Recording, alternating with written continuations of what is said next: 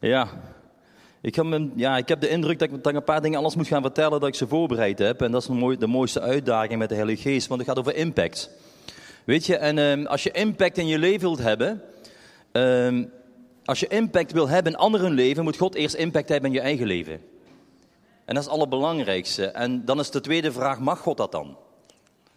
En is, ja, ja, tuurlijk, dat is de antwoord. Het antwoord is dat je volmondig ja zegt tegen God. En als dat gebeurt, hè, ik weet dat ik 18 jaar was en ik vervuld werd met de Heilige Geest. En dat ik tegen God zei, hé God, um, ik sta hier nu midden in mijn leven, ik ben een jonge gast, hè, maar wat moet ik met mijn leven? Ik zeg, als ik zo doorga, ja, dan, uh, dan leef ik niet zoals u wilt. En dan leef ik zoals ik ik wil. Weet je, en, uh, en ik, ik lag in mijn bed en ik weet heel goed dat ik een kamer was, waar, waar het min 10 was in die kamer. En ik werd vervuld van Gods geest, zoals in Handelingen 2, uh, 2 de apostelen. De kracht van God kwam op mij en om een, een alle minuut sprak ik in tongen. En ik werd zo vol van Gods geest, terwijl het min 10 was, ik kreeg het echt gloeiend heet. Weet je, en dat is de impact die ik in mijn leven had met God. Maar ik, ik zei tegen God van, God, wilt u impact hebben in mijn leven? Wilt u impact hebben in mijn leven? En dan kan ik impact hebben in anderen. Ik, weet je, ik, had, ik, heb, ik, heb hier, heb hier een mooie statief staan. Hè? En heel veel mensen zijn nieuwsgierig. Nederlanders zijn nieuwsgierig, dat is heel gezond. Hè? Is niet altijd negatief. Hè?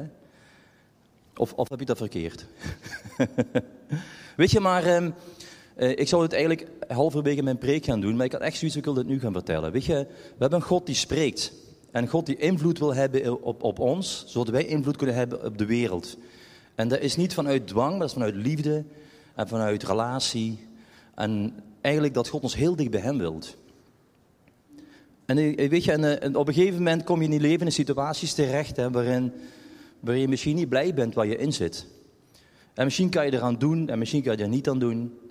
En misschien ben je erin verzeild geraakt door, door, door, door je eigen stommiteiten. En misschien ben je daarin gedwongen in die situatie. Weet je, en in 2001, toen, uh, toen zat ik eigenlijk ook een beetje in die situatie. En mijn schoonvader toevallig ook, die zit daar. Dat, die, uh, dat blinkend ding, dat is mijn schoonvader. Steek je hand naar omhoog, pa.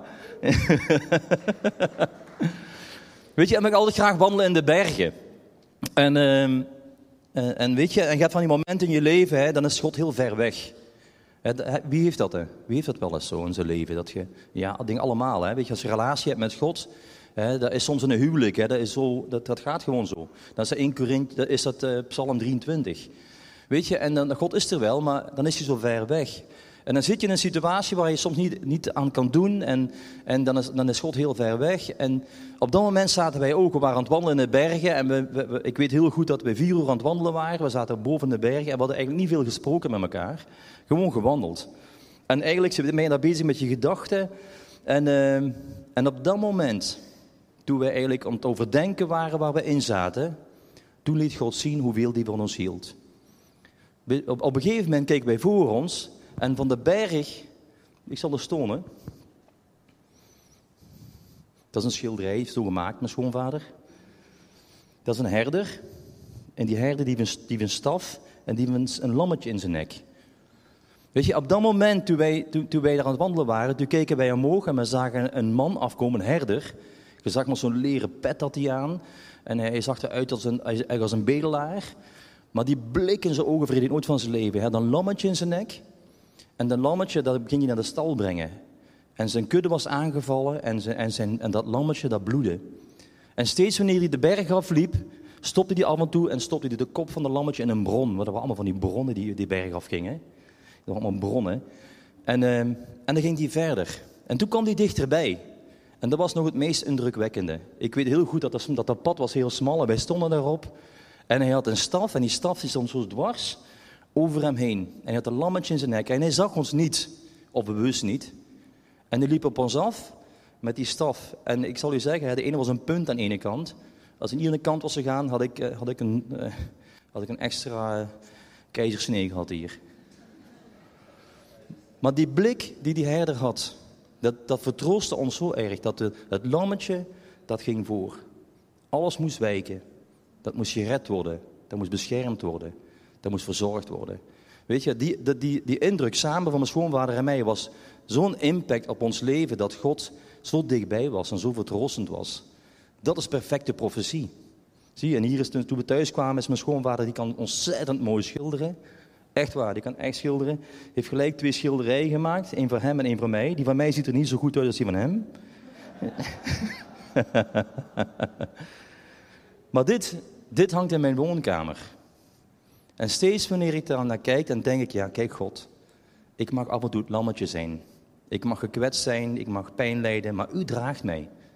Want u heeft impact in mij en daarom heb ik impact op de wereld. Ik wou het even vertellen, ik wil hiermee beginnen. Geweldig.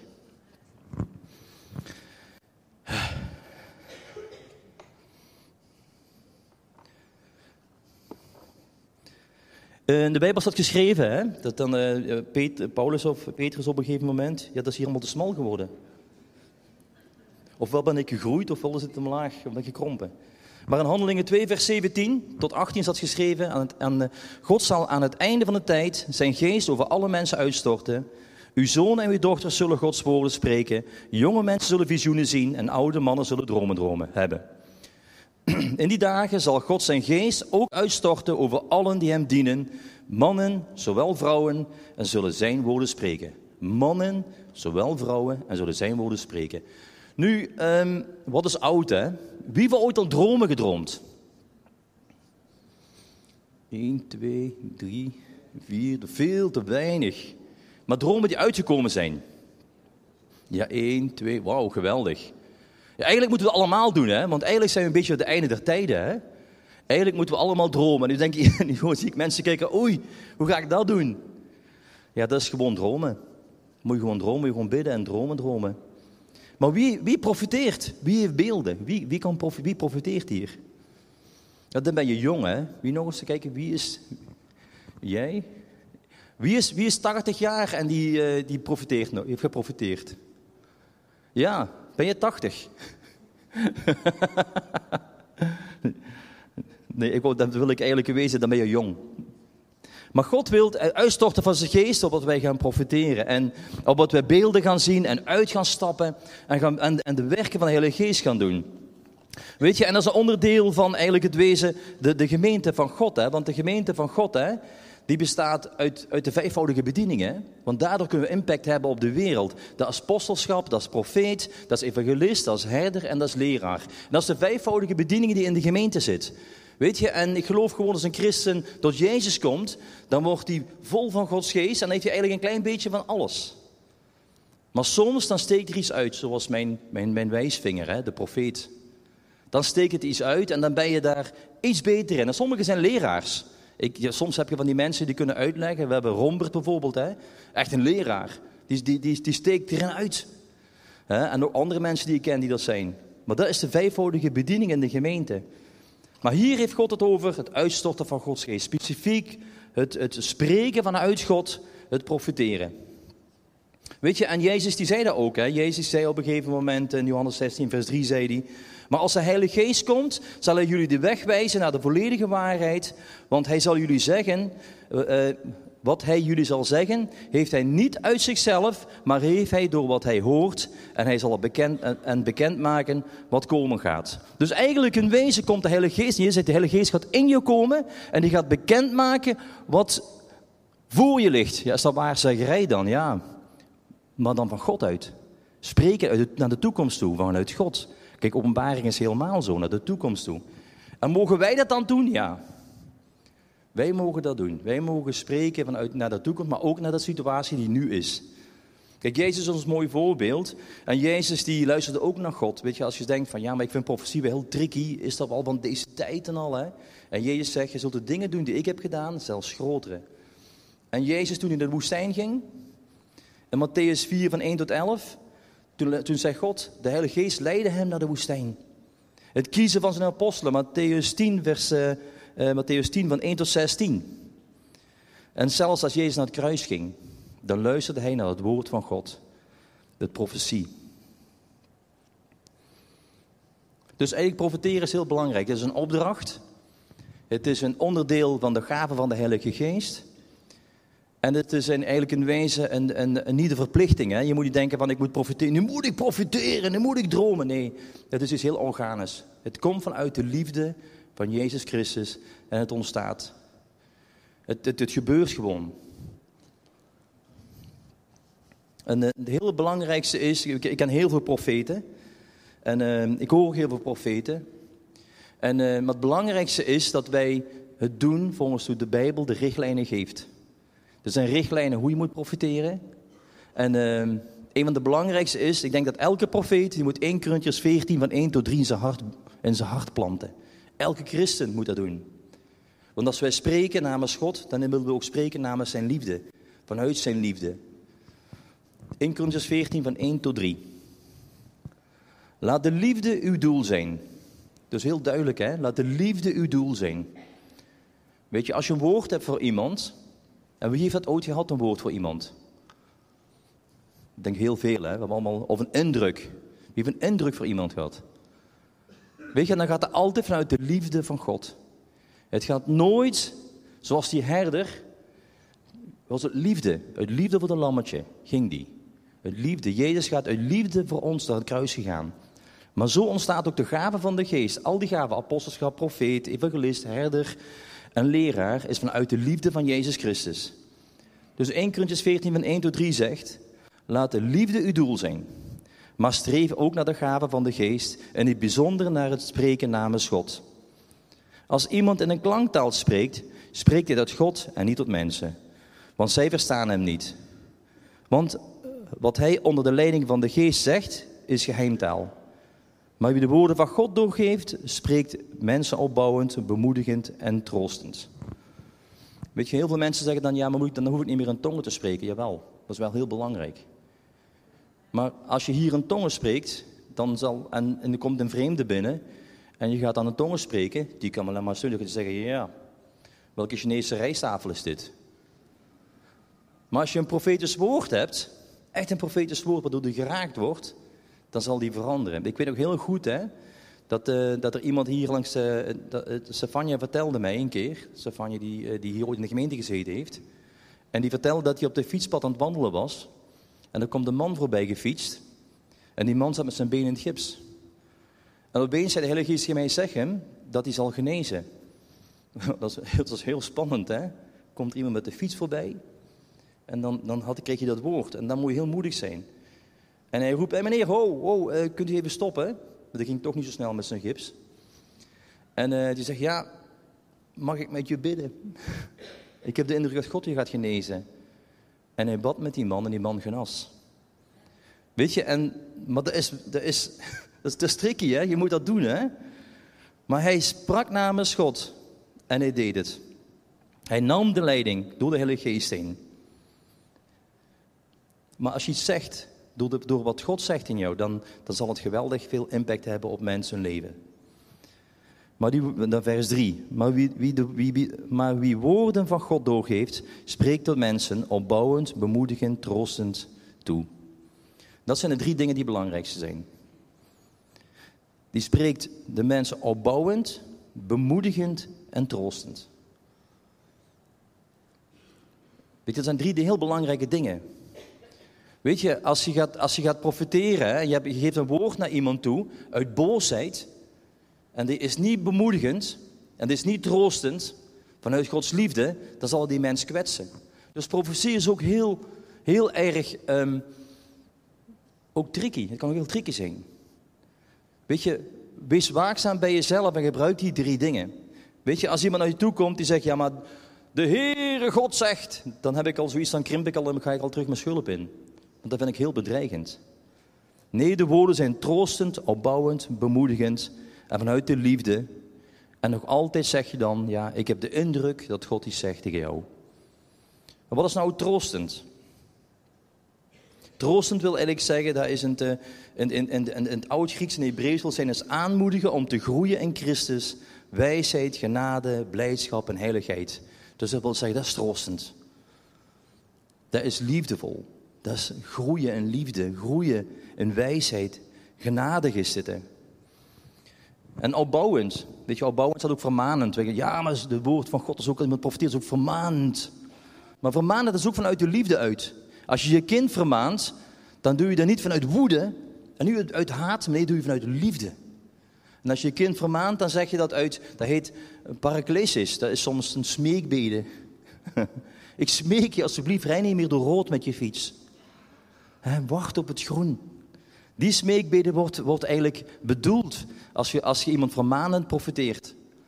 Dus niet uh, van, uh, en gij moet, de Heere God zegt dat gij dit moet doen. Nee, dat is vanuit zijn liefde. Alsjeblieft, fiets niet meer door rood. Want als er een auto aankomt en die, en die gaat wel door groen, waar die recht door heeft, dan rijdt hij je omver. Dat is wat hier bedoeld wordt. Opbouwend, paraklesis. Een opbouwend, verzoenend met God toe. Dat is wat vermanend is. Dus, eh, dus ik, ik, denk als iemand profiteert naar jou, en dan mag je gerust zeggen, hè, als iemand naar jou toe komt en die doet dat, hè, dan, dan mogen we ook terug zeggen, ja, ik denk wel, ik heb de indruk dat dat niet vanuit God is, vanuit zijn liefde. Dan mag je gerust terug zeggen. Ik vind als ik, als ik een profetie geef aan iemand en die is fout, dan mag dat ook gezegd worden, ik blijf een mens. Ik blijf een mens, hè. En ik heb heel veel geprofiteerd naar mensen toe en er was er heel veel raak, maar er waren ook die heel veel niet raak waren.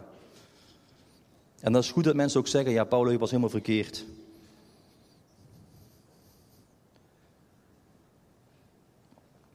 Bemoedigend. Dus bemoedigend. En dat, vind ik, dat we allemaal natuurlijk. Hè. Overtuigend, opwekkend, kalmerend en troostend. Afgelopen weekend, afgelopen vrijdag, Corine en ik worden regelmatig uitgenodigd voor te bidden voor, uh, voor, uh, voor voorgangers. Die dan eigenlijk uh, die nieuwe kerken gesticht hebben in Nederland. En dan komen die samen en dan mogen wij dan bidden voor die mensen. Met een groep. En ehm, dat is zo bemoedigend. Dat is zo geweldig om die mensen een hart onder de riem te steken. Maar ook vanuit Gods troon.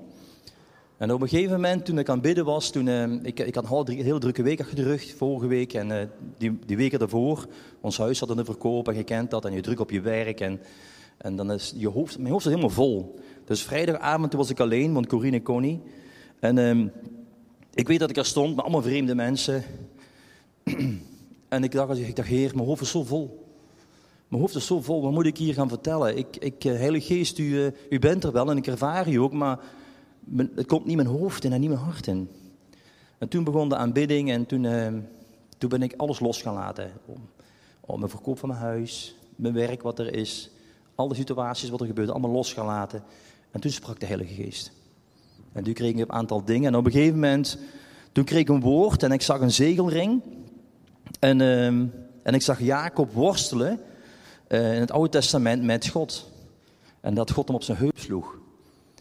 En op dat moment, toen we aan het bidden waren, we waren ongeveer al een drie kwartier bezig, toen ging er naar iemand toe en de Heilige Geest die, die gaf de indruk tegen mij van, je moet naar die man gaan met zijn groene t-shirt. En ik ging er naartoe en ik zei tegen hem, joh, ik zeg, ik heb een indruk dat God zegt tegen jou dat hij een uh, nieuw verbond met jou aangaat. Dat hij een ring om je hand doet, om je vinger doet. En dat hij hartstikke blij is met jou en hij zegt, joh, ik zie jou.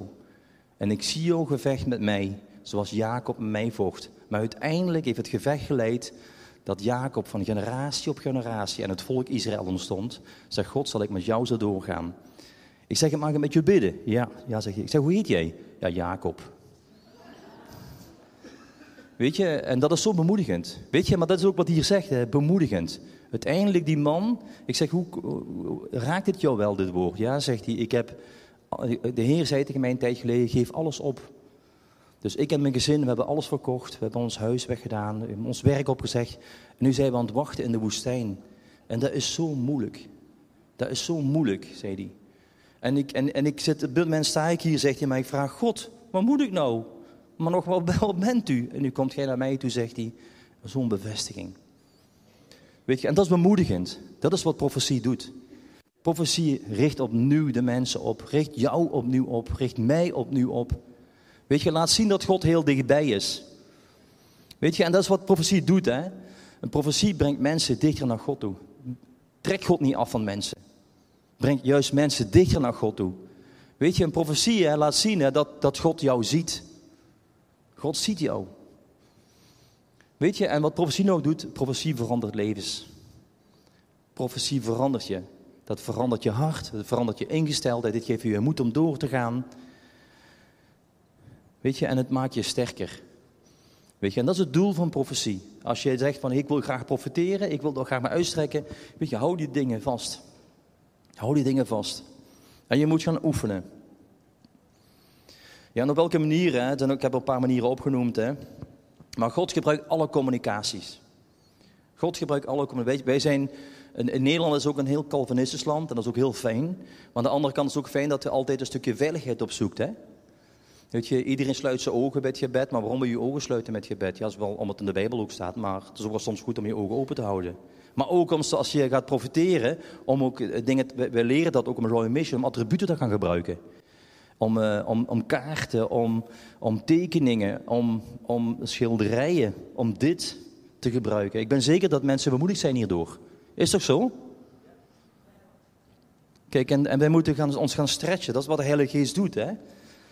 Eigenlijk al zintuigen wilt God gebruiken hè, om te profiteren. En de Heilige Geest die gebruikt onze ogen, onze oren, onze gedachten, onze, onze beelden, onze fantasie zelfs. Gebruikt de Heilige Geest. Ons talent. Dat is echt zo. Kijk maar naar de dingen, wat de, onze, onze ogen bijvoorbeeld in Aram, hè, met, uh, met, met de knecht van Elisa. Op een gegeven moment, er staat in 2 Koningen vers 6 staat dat, hè, dat ze op een gegeven moment, daar zit een Aram en dan dat die, knecht zegt, wow, we hebben, we hebben, ik vind het zo spannend allemaal, we zijn helemaal omsingeld door de vijand en we worden onder de voet gelopen. En dan, dan gaat Elisa bidden en dan zegt hij, open de ogen, laat hem zien, heer. En dan ziet hij dat allemaal engelen zijn met vuurwagens. Dan staan ze omheen, om het leger heen, nog groter. En onze oren, dat we dingen kunnen horen. Kijk maar naar Handelingen 2, vers 2. De Heilige Geest kwam neer in de bovenkamer en alles trilde. En een aardbeving. En regelmatig hoor je nog verhalen dat er, dat er gebeden wordt en dat er aardbevingen zijn. Dat de, gebouw trilt. En ik, oh, dat is een aardbeving. Maar de Heilige Geest komt dan zo krachtig.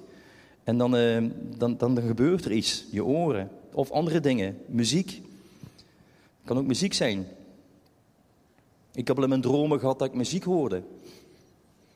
Dat ik, uh, dat, dat ik aan het dromen was en dat ik, dat ik, ergens, een, uh, ik weet heel goed dat ik aan het dromen was en dat ik in een kajak klom. En, uh, en dat ik in, die, in, een rivier afging in mijn dromen. En dat ik, dat ik ergens de stroom stopte en dat ik tussen twee godswanden zat en ik de, de koninkrijk van God, de muziek hoorde van de hemel. Je gedachten en je fantasie, je talent. En door de Bijbel heen natuurlijk, hè, Gods woord.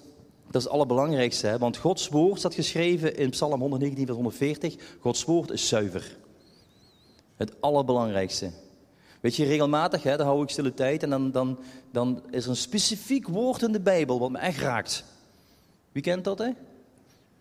Ja? Dat is, de, de, de, de Bijbel is zuiver, maar ook voor een ander toe. Misschien heb je een woord van een ander, dat is ook profetie. Heel belangrijk. Een talent heb ik juist over gehad, hè? kunst, hè? Dat is ook zoiets, hè. Ik, ik, ik heb een keer een, eh, eh, een, spreker gezien, terwijl hij aan het spreken was, was hij aan het schilderen. En hij was aan het schilderen, en, uh, terwijl hij aan het preken was. En, uh, en ik was heel nieuwsgierig, want ik zag de achterkant van de schilderij. En, uh, en op een gegeven moment had hij het over het vaderhart van God. Hè. En, en na, zijn, na zijn preek draaide de schilderij om. En dat was zo indrukwekkend. Dat was een walvis die net bevallen was van een kalf. En dat kalf kon niet zwemmen en die walvis onder water duwde hij het kalf naar de lucht toe. Hij duwde, echt een, echt een, zo een, eh, een profetische schilderij ook. Ja, een droom hè jongens. We moeten meer gaan dromen. Heel belangrijk hè. Iedereen, iedereen die boven de 40 is, die moet dromen, vind ik. Hè? Laten we afspreken dat we allemaal gaan dromen. Heel belangrijk. Want dromen opent ook deuren. Hè? Dromen heb je geen invloed op, dat kun je niet veranderen met woorden, want dat droom je gewoon. Hè? ik heb een keer een droom gehad, ik woon pas in Nederland hier. En uh, ik, droom regelmatig. Ik droom als ik, een, als ik een andere baan moet nemen, dan droom ik erover. Maar op een gegeven moment droomde ik een droom en uh, het was een heel rare droom. Ik zat op een, uh, op een heuvel en ik keek door de ogen van iemand. En ik zag dat die iemand op een paard zat, op een kleine heuvel. En op een gegeven moment uh, zag ik dat hij naar een andere heuvel keek. Die was veel groter. En, en die dacht in zijn eigen, ik, ga daar ik wil daar naartoe. En toen keek hij in een dal en er was één groot gewirwar van gevechten en, en, en, het was gewoon een chaos. En ik zag dat hij naar beneden ging en hm, hij, hij keerde terug, dat ga ik niet doen. Op het moment dat hij besloot om niet te doen, ging die paard vanzelf. En dan ging uiteindelijk wel naar die andere kant toe. En ik zag die persoon die erop zat. Ik wist wie dat was. Ik had die persoon ooit één keer in mijn leven ontmoet. Ik zeg tegen Corine s'morgens, joh, wat moet ik nou doen? Zei Corine, ja, schrijft die man een brief zei, oké, dat doe ik dan. Ik kreeg drie dagen later een heel emotionele brief. Dat was een voorganger, dat wist ik niet, van de gemeente. En uh, die had echt het idee dat God een andere roeping gegeven had aan hem. En uh, toen hij die droom kreeg, toen wist hij dat hij stap moest zetten. En is hij uh, iets anders gaan doen. Dus er was geen voorganger meer, maar dat was een bevestiging. En heel de gemeente zei toen, je moet blijven, je moet blijven. En diep in zijn hart had hij zoiets van, ja nee, God roept me ergens anders. En, uh, maar weet je, dat is belangrijk om die dromen ook te vertellen. Als je een droom krijgt over mij, please vertel die. Als je een droom krijgt over een ander, vertel die. Maar bid er ook voor. Bid dat God je de dromen geeft. Hè? Dat God je dromen geeft. En uh, dat die ook, uh, dan handelingen 2 vers 17. En dat, dat je ook impact hebben op je eigen leven, op andere levens. Als je in een situatie zit hè, waarin je voor werk, voor een huis gaat bidden. Maar God geeft mij dromen. Geef me dromen. En je zult zien hè, dat meestal als je een droom krijgt, net voor het ontwaken. Dan krijg je een droom en dan geeft God, en die is dan profetisch en die is ook heel zuiver meestal. Want, als je een beeld krijgt, dan heb je invloed op, maar een droom niet. Dat komt tot je. En ik wil echt uitdagen, zet je, dat, dat, dat gaat lukken. Dat dat werkt, echt, geloof mij. Ik heb mensen die, die uh, ik heb vrienden af en toe die bij Royal Mission en die, die, die uh, hey, en die, uh, die, die vragen dan om gebed en een profetisch woord. En meestal dan zeg ik, heer, wilt u mij een droom geven? En dan krijg ik ook meestal een droom. Niet altijd, maar meestal wel. En ik geloof dat dat ook kan.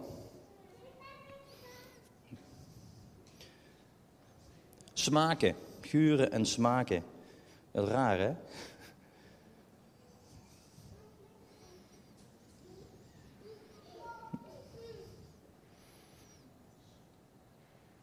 Ik weet dat Corine en ik in 2000, uh, het jaar 2000, toen zaten we in Pensacola. En Pensacola is de opwekking geweest. En op een gegeven moment zaten wij twee uur voor de dienst begon, zaten we al in de zaal. Er was, morgens was er al een, s'avonds voor de dienst van acht uur was er al morgens een rij van twee kilometer om die dienst mee te maken. Maar wij waren gasten van Europa, we mochten er al zijn. Als we, we zaten twee uur in die zaal en twee, jaar, twee uur voelde je al, twee uur voorhand voor de dienst begon, voelde je de impact en de, en de Heilige Geest, de kracht van de Heilige Geest. Maar je rook ook de Heilige Geest. Dat is heel, dat is heel graag, maar je rook de Heilige Geest. En ik zal je zeggen, hè, dat, was, dat, was, dat is perfect, die geur is gewoon perfect. Maar je kunt de Heilige Geest ruiken. Je kan ook dingen ruiken. Je kan ook dingen smaken. Ik heb een openbaring, de bittere koek die uh, Johannes moest eten. En ook een vervoering. Je kunt ook een vervoering geraken. Vind ik allemaal interessant? Ja? Oh, goed. Ja, ik wil, ik wil een paar dingen vertellen. Hoe, ik bedoel, eh, wat, wat het hele geest is natuurlijk. Hè. Je kunt ook vervoering geraken. Ik ben in de kolenmijn ben ik in vervoering geraakt geweest. Heb ik engelen gezien. En, uh, en, spreken in tongen bijvoorbeeld. Ik was, we waren, een paar jaar geleden was ik in, in, Zweden, in Uppsala, in, in, de kerk van, van Ulf Ekman. Daar zaten 2000 mensen. En voor de dienst begon, gingen de mensen twee uur tongen bidden. Uh, twee uur, vijf minuten tongen bidden, twee uur. Gingen de mensen vijf minuten tongen. Dus de, dienst begon, moet je voorstellen, als de dienst begint dienst om, half elf, dat de mensen vijf minuten tongen gingen bidden, heel de zaal. Ik vond het heel raar, als ik eerlijk ben. ik, had dan, ik kende dat niet zo. Die gingen tongen bidden.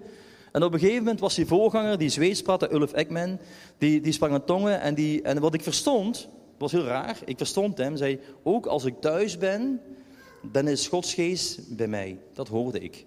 Ik vond dat zo raar dat ik dat hoorde, terwijl hij in tongen bidden was. Die avond, toen, ging ik, eh, toen was ik uitgenodigd bij een paar leiders. Want mijn broer die deed daar bijbelschool en mijn vader.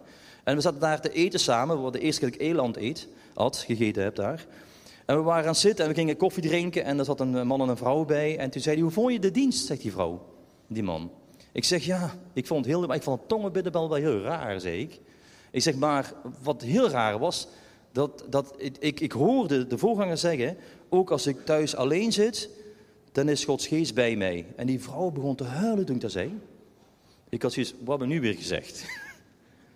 Maar die vrouw, die had gebeden en die was een huisvrouw en haar man had een heel goed lopende zaak en die zat thuis. En in Zweden, als een vrouw niet werkt, eh, wordt een beetje met je nek aangekeken. Dat begreep ik eruit. En die vrouw voelde zich heel schuldig.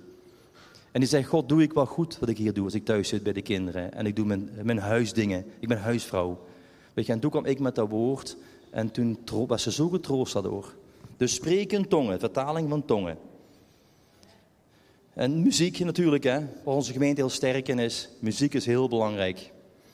Heel belangrijk. Oké, maar het belangrijkste is natuurlijk hè, dat wij de praktijk gaan doen. We kunnen allemaal horen, we kunnen dingen zeggen. Je kunt zeggen, ja, Paulus is geweldig. Hè. Maar het belangrijkste is dat jij de impact gaat hebben in je omgeving door profetie. Weet je, ik zou wel eens willen, willen stretchen. Hè? Weet je, bij christen moeten af en toe gestretched worden. Want als wij, hè, als wij ons willen uitdagen, moeten we gestretched worden. Maar ik zou jullie willen uitdagen om deze week is uh, uh, bij jezelf te raden gaan. Heer, voor wie heb ik een woord in mijn omgeving? Voor wie heb ik een woord van mijn omgeving? Ik zou wel echt jullie stretchen van, Heer, wie in mijn omgeving, is het mijn vrienden, zijn het mijn buren, is het mijn familie? Maar, maar wie, wie kan ik een woord geven dat impact zal hebben op zijn leven? Durven jullie dat? Hè? Ja? Weet je, voor sommige mensen is dat heel normaal om te doen, hè? maar voor sommige mensen is het een uitdaging. Maar vooral de mensen die een uitdaging is, wil ik vragen, willen jullie daarvoor stretchen? Wil je je stretchen? Wil jij je oprekken en zeggen, Heer, uw impact in mijn leven, maar laat me ook impact hebben in jouw leven. Weet je, en dat kan heel simpel zijn. Ik had pas iemand, die kwam ik tegen en ik zei tegen hem, joh, uh, hoe is het met je nieuwe auto? Hoe weet jij dat ik een nieuwe auto heb gekocht? Niemand weet dat, hè. En toen zei ik, ja, weet je, God heeft me dat doorgegeven en ik kon vertellen over Jezus. Heel simpel kan het soms zijn. Weet je, maar stretch jezelf. Probeer jezelf te stretchen. probeer die uitdaging aan te gaan. En probeer die stap te zetten. Probeer vol te worden van de Heilige Geest, impact te hebben op de wereld. Maar profetie is heel belangrijk. En misschien ben jij ook wel degene die misschien juist die profetische gave heel sterk heeft. En dat je veel meer dan alleen maar dat, dat je misschien ook voor meerdere mensen kunt profiteren, gaan profiteren. Maar stretch jezelf. Goeie, ik ga afsluiten. Weet je, alles, nogmaals wil ik echt zeggen, van alles komt vanuit zijn liefde. Niks, niks gaat uit je eigen vlees. Ga niet zeggen als je gaat profiteren, jij moet, jij moet, en God spreekt. Nee, ik heb de indruk dat God dit zegt. Weet je, en als het fout is, dan mag ook. Je mag fouten maken. Weet je, wees ook bereid daar ook het onderste weg te gaan. Weet je, probeer daar ook respect voor te hebben. Want je tegenover, waar je tegenover staat, als je het woord spreekt, als je een profetie uitspreekt over iemand, dan is het een kind van God en vergeet dat nooit. Dat is iemand die waardevol is. Dat is Jezus voor gestorven. Amen.